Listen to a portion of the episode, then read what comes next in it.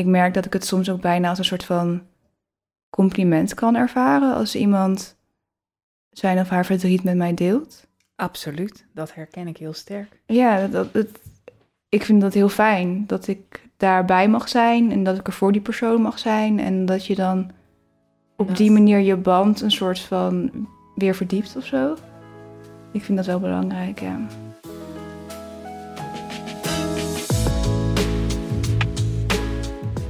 Welkom weer bij de Vuurplaats podcast van Pioniersplek de Vuurplaats in Apeldoorn. In deze vierdelige serie hebben we onze gasten gevraagd om drie teksten mee te nemen die hen inspireren. Op gebied van geloof, spiritualiteit of gewoon omdat het mooi is. Aan de hand van deze teksten gaan we aan de keukentafel in gesprek. Welkom bij de nazomersessies. Welkom bij de Vuurplaats podcast. Het is weer een mooie zomeravond, dus tijd voor een goed gesprek. En vandaag gaan we in gesprek met Hannelotte. Hannelotte, Hallo. welkom.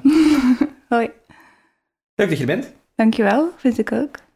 Ehm, en dit gesprek doe ik niet alleen, want dat doe ik dit keer weer met Leonie. Hi, daar ben ik weer. En gelukkig mag ik nu weer vragen stellen en word ik niet onder het vuur, eh, word ik niet steeds vragen gesteld. Precies, want als je meer wil weten over Leonie, dan moet je de tweede aflevering nog even terug luisteren. In deze reeks hebben we elke week eh, iemand te gast. En aan de hand van teksten die de gast meeneemt, gaan we met elkaar eh, in gesprek. En vandaag is dat dus Hannelotte. Ehm, en om met jou kennis te maken, hebben we gevraagd om een tekst mee te nemen die iets over jou vertelt. Daar gaan we naar luisteren. Oké. Ik heb de woorden gehaat en ik heb van ze gehouden. En ik hoop dat ik ze recht heb gedaan. De boekendief. Ja, Ja. wat zegt deze tekst over jou? Eh, nou ja, dit zegt meer, denk ik, over mijn relatie met tekst en met lezen en verhalen. Ehm, de Boekendief is een verhaal dat gaat over een jong meisje, Liesel Memminger. En het speelt zich af in de Tweede Wereldoorlog. Maar het gaat eigenlijk vooral over haar relatie met lezen en schrijven. En ehm, ze heeft heel veel moeite om te leren lezen. En daar herkende ik mezelf heel erg in toen ik het boek zelf ook las. Want ik was vroeger, ja, ik ben nog steeds gewoon best wel dyslectisch. En ik had heel veel moeite om te leren lezen. Maar ehm, de verhalen hadden wel een soort van magische aantrekkingskracht op mij. Waardoor ik dat heel graag wou. En ehm, dat heeft dat meisje in het boek precies zo. En ehm, ja, voor mij wat zij daar zegt, is gewoon, ja, het, ik heb het ook gehaat. Ik heb het gehaat om te moeten leren lezen en daar echt een gevecht mee geleverd, zeg maar. Mhm. En daarna ben ik er super erg van gaan houden. En heb ik heel veel gelezen en heel veel geschreven en daar heel erg van genoten. En ja, en ik hoop ook dat ik het recht aan doe of zo, want ik vind dat woorden heel veel kracht hebben. Dus dat je daar, eh, ja, ontzag voor moet hebben eigenlijk. En je geeft aan dat, dat er chemie, of nee, niet chemie, magie, De magie, ja. eh, sorry, Ehm, dat er magie in die boek, in, in die teksten zit. Kun je daar een voorbeeld van geven? Ehm, nou ja, ik vind het gewoon magisch hoe, in ieder geval hoe ik opgeslokt kan worden door een verhaal. Zeg maar, dat, dat je dat beleeft in je hoofd en dat je er helemaal in zit. Dat, eh, ja, dat vind ik dus zelf iets magisch, wat ik heel graag doe. En je zegt dat je zelf dus ook schrijft. Wat voor een teksten of wat eh, verhalen, boeken? Wat, eh, Nou ja, in de tijd dat ik dit boek heb gelezen, De Boekendief is echt een young adult boek, zeg maar. En in die tijd heb ik ook heel veel geschreven. Ehm, heel veel gedichten en korte verhalen. Ehm, daarna ben ik de kunstacademie gaan doen.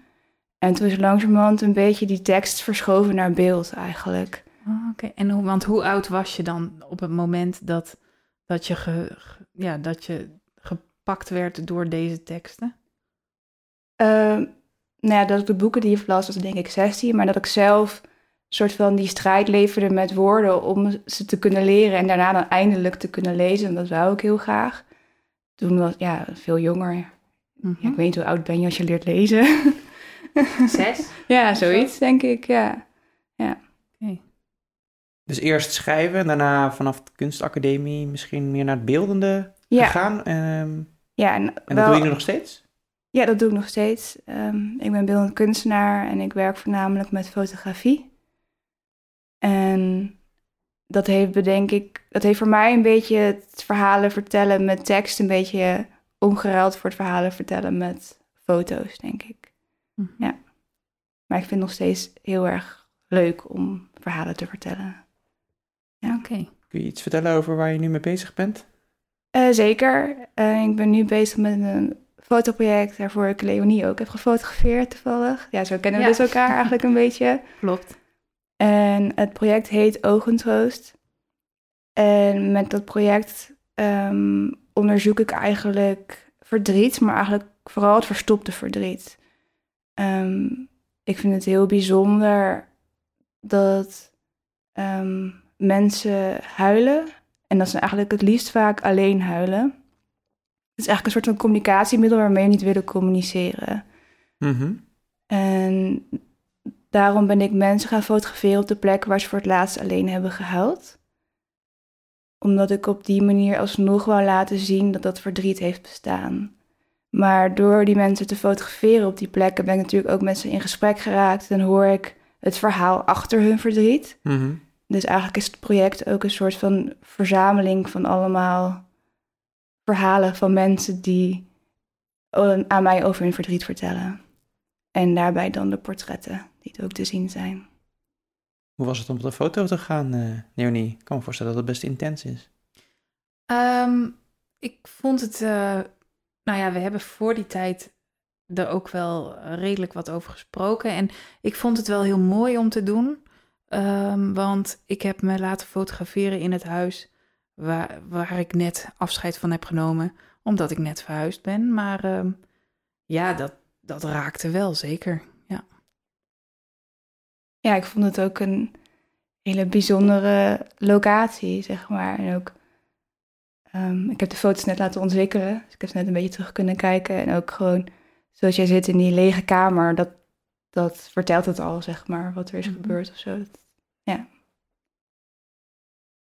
Bijzonder. Hoeveel mensen ga je op de foto zetten? Ehm, ik ben nu eigenlijk net klaar met fotograferen. Ehm, ik heb denk ik zo ongeveer 20 mensen gefotografeerd.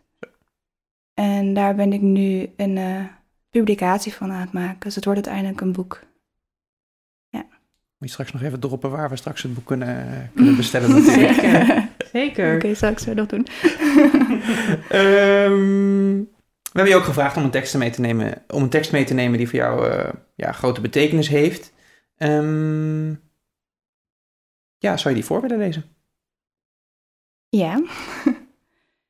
Pain in this life is not avoidable, but the pain we create, avoiding pain, is avoidable. En dat is van een psychiater, R.D. Lane heet hij. Mhm. Ehm, over hemzelf weet ik eigenlijk niet heel veel.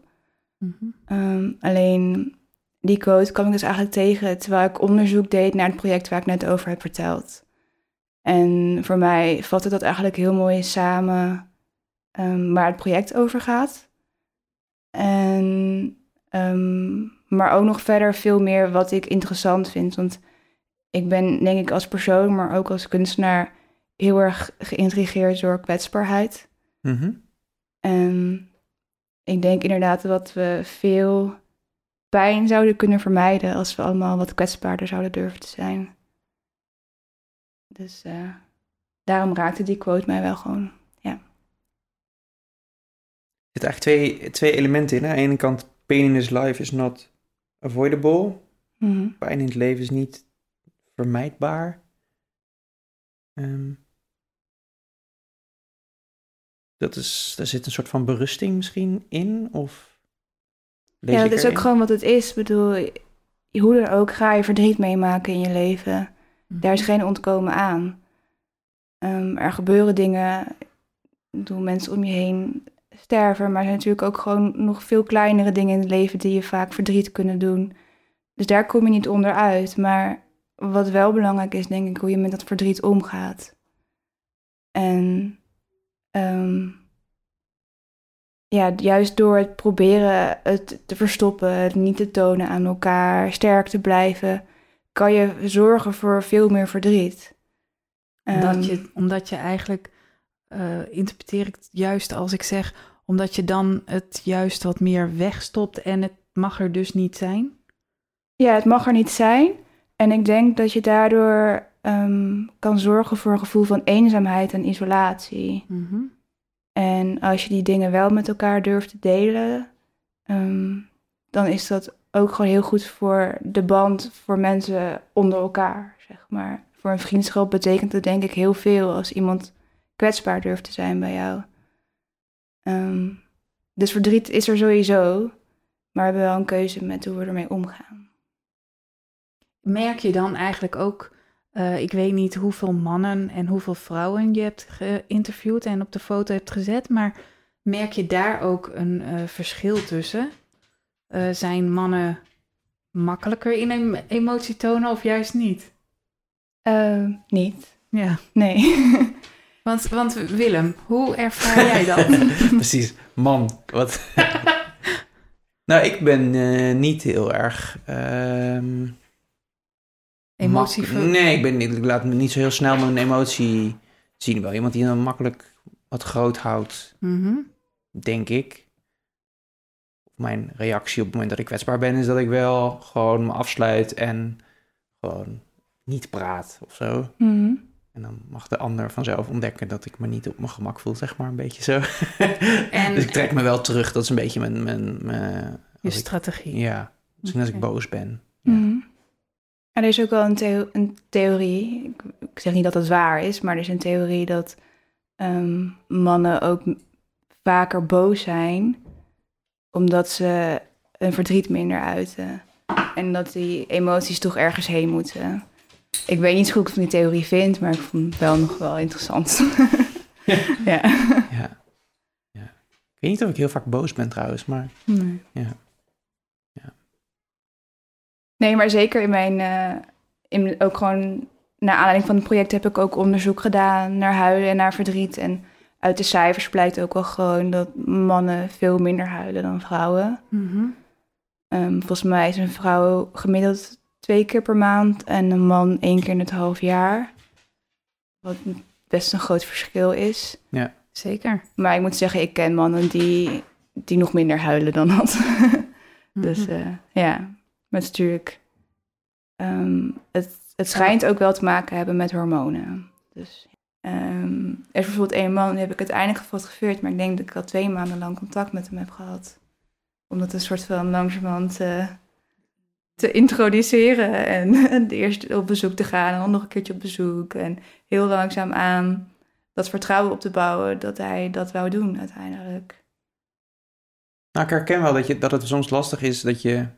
Ik huil gewoon niet zo snel Mhm. eh, bij dingen. En dan voel ik wel, zeg maar, van alles. Maar, nou ja, het is wel soms makkelijker. Of het is als je... Ik, als mensen wel, die wel meer emotioneel zijn... is het wel makkelijker om een connectie te leggen.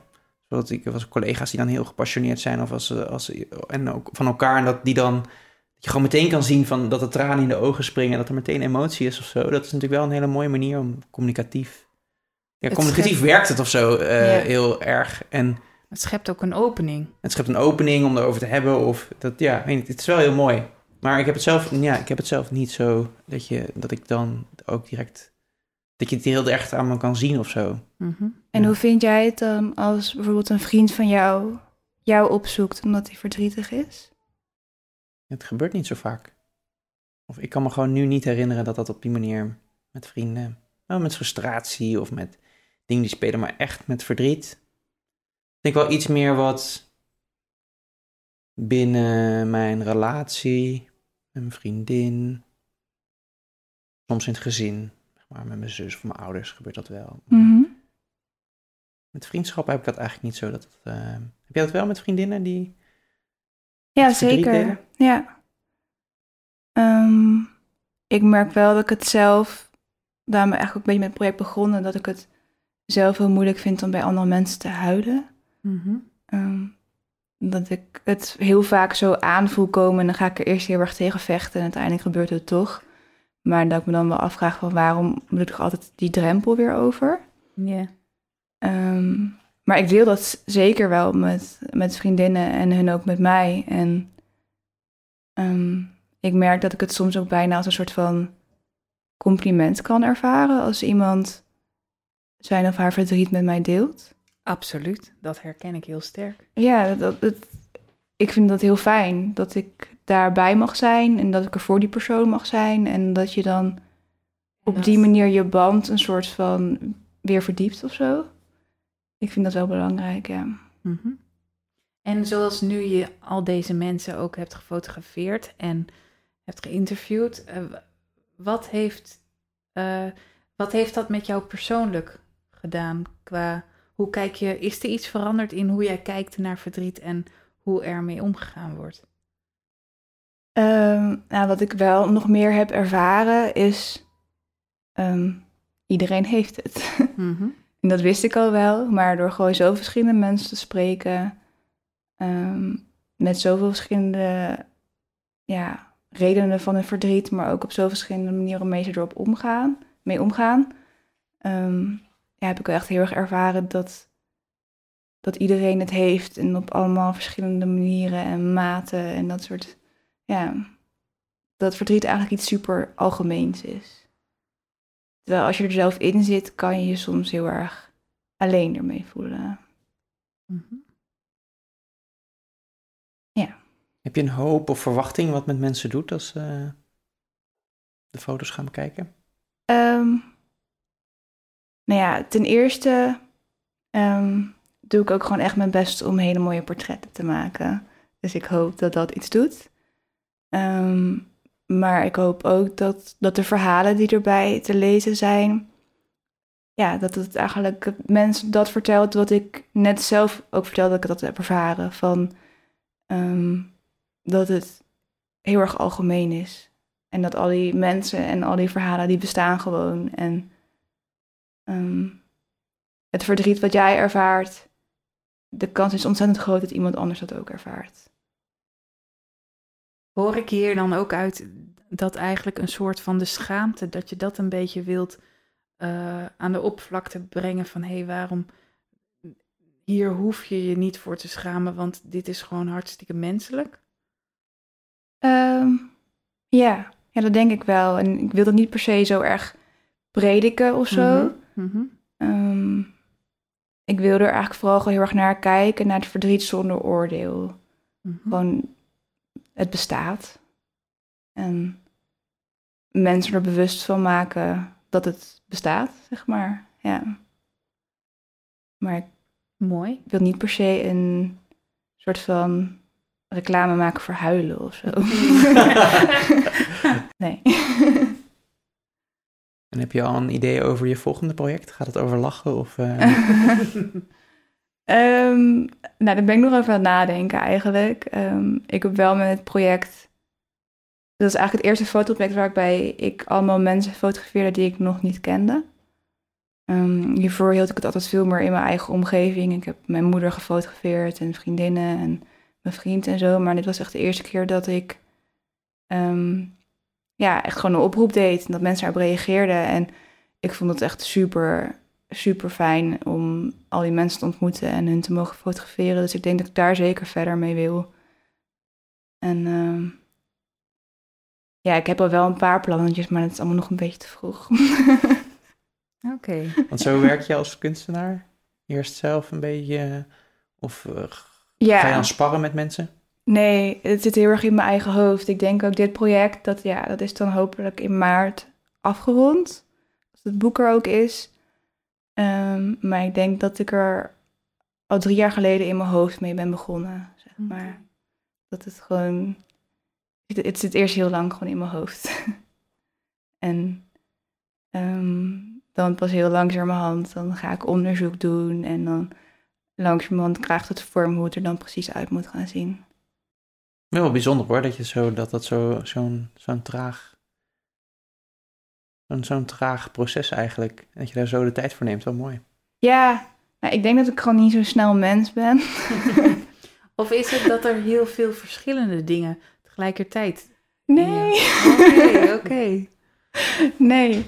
Ehm, ja, dat klinkt misschien gek, maar ik denk dat ik gewoon echt niet zo heel erg snel ben. dat is net zoals ik niet zo snel was met leren lezen. Ehm, ja, ik eh, neem graag de tijd voor dingen. Maar je ziet dan wel een heleboel, volgens mij, in dat proces. Hoe bedoel je?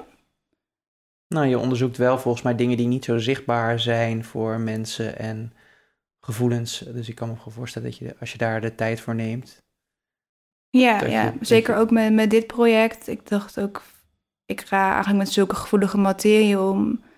Ik heb echt zoveel mensen gehad die mij zulke persoonlijke verhalen vertelden. En dan wil ik daar ook gewoon heel bewust mee omgaan. Mhm. Nou, ik ben erg benieuwd naar het eindresultaat. Ja, nou ja, jij zo, ja. Je zit erin, dus Ja. ja. Want in maart komt het uit en dan. Eh, ja, dan heb ik een boekpresentatie. En ja, dan is het klaar. en dan hopelijk ehm, dat ik ook nog wel met een expositie het op verschillende plekken kan laten zien. Tof, ben benieuwd. Dankjewel.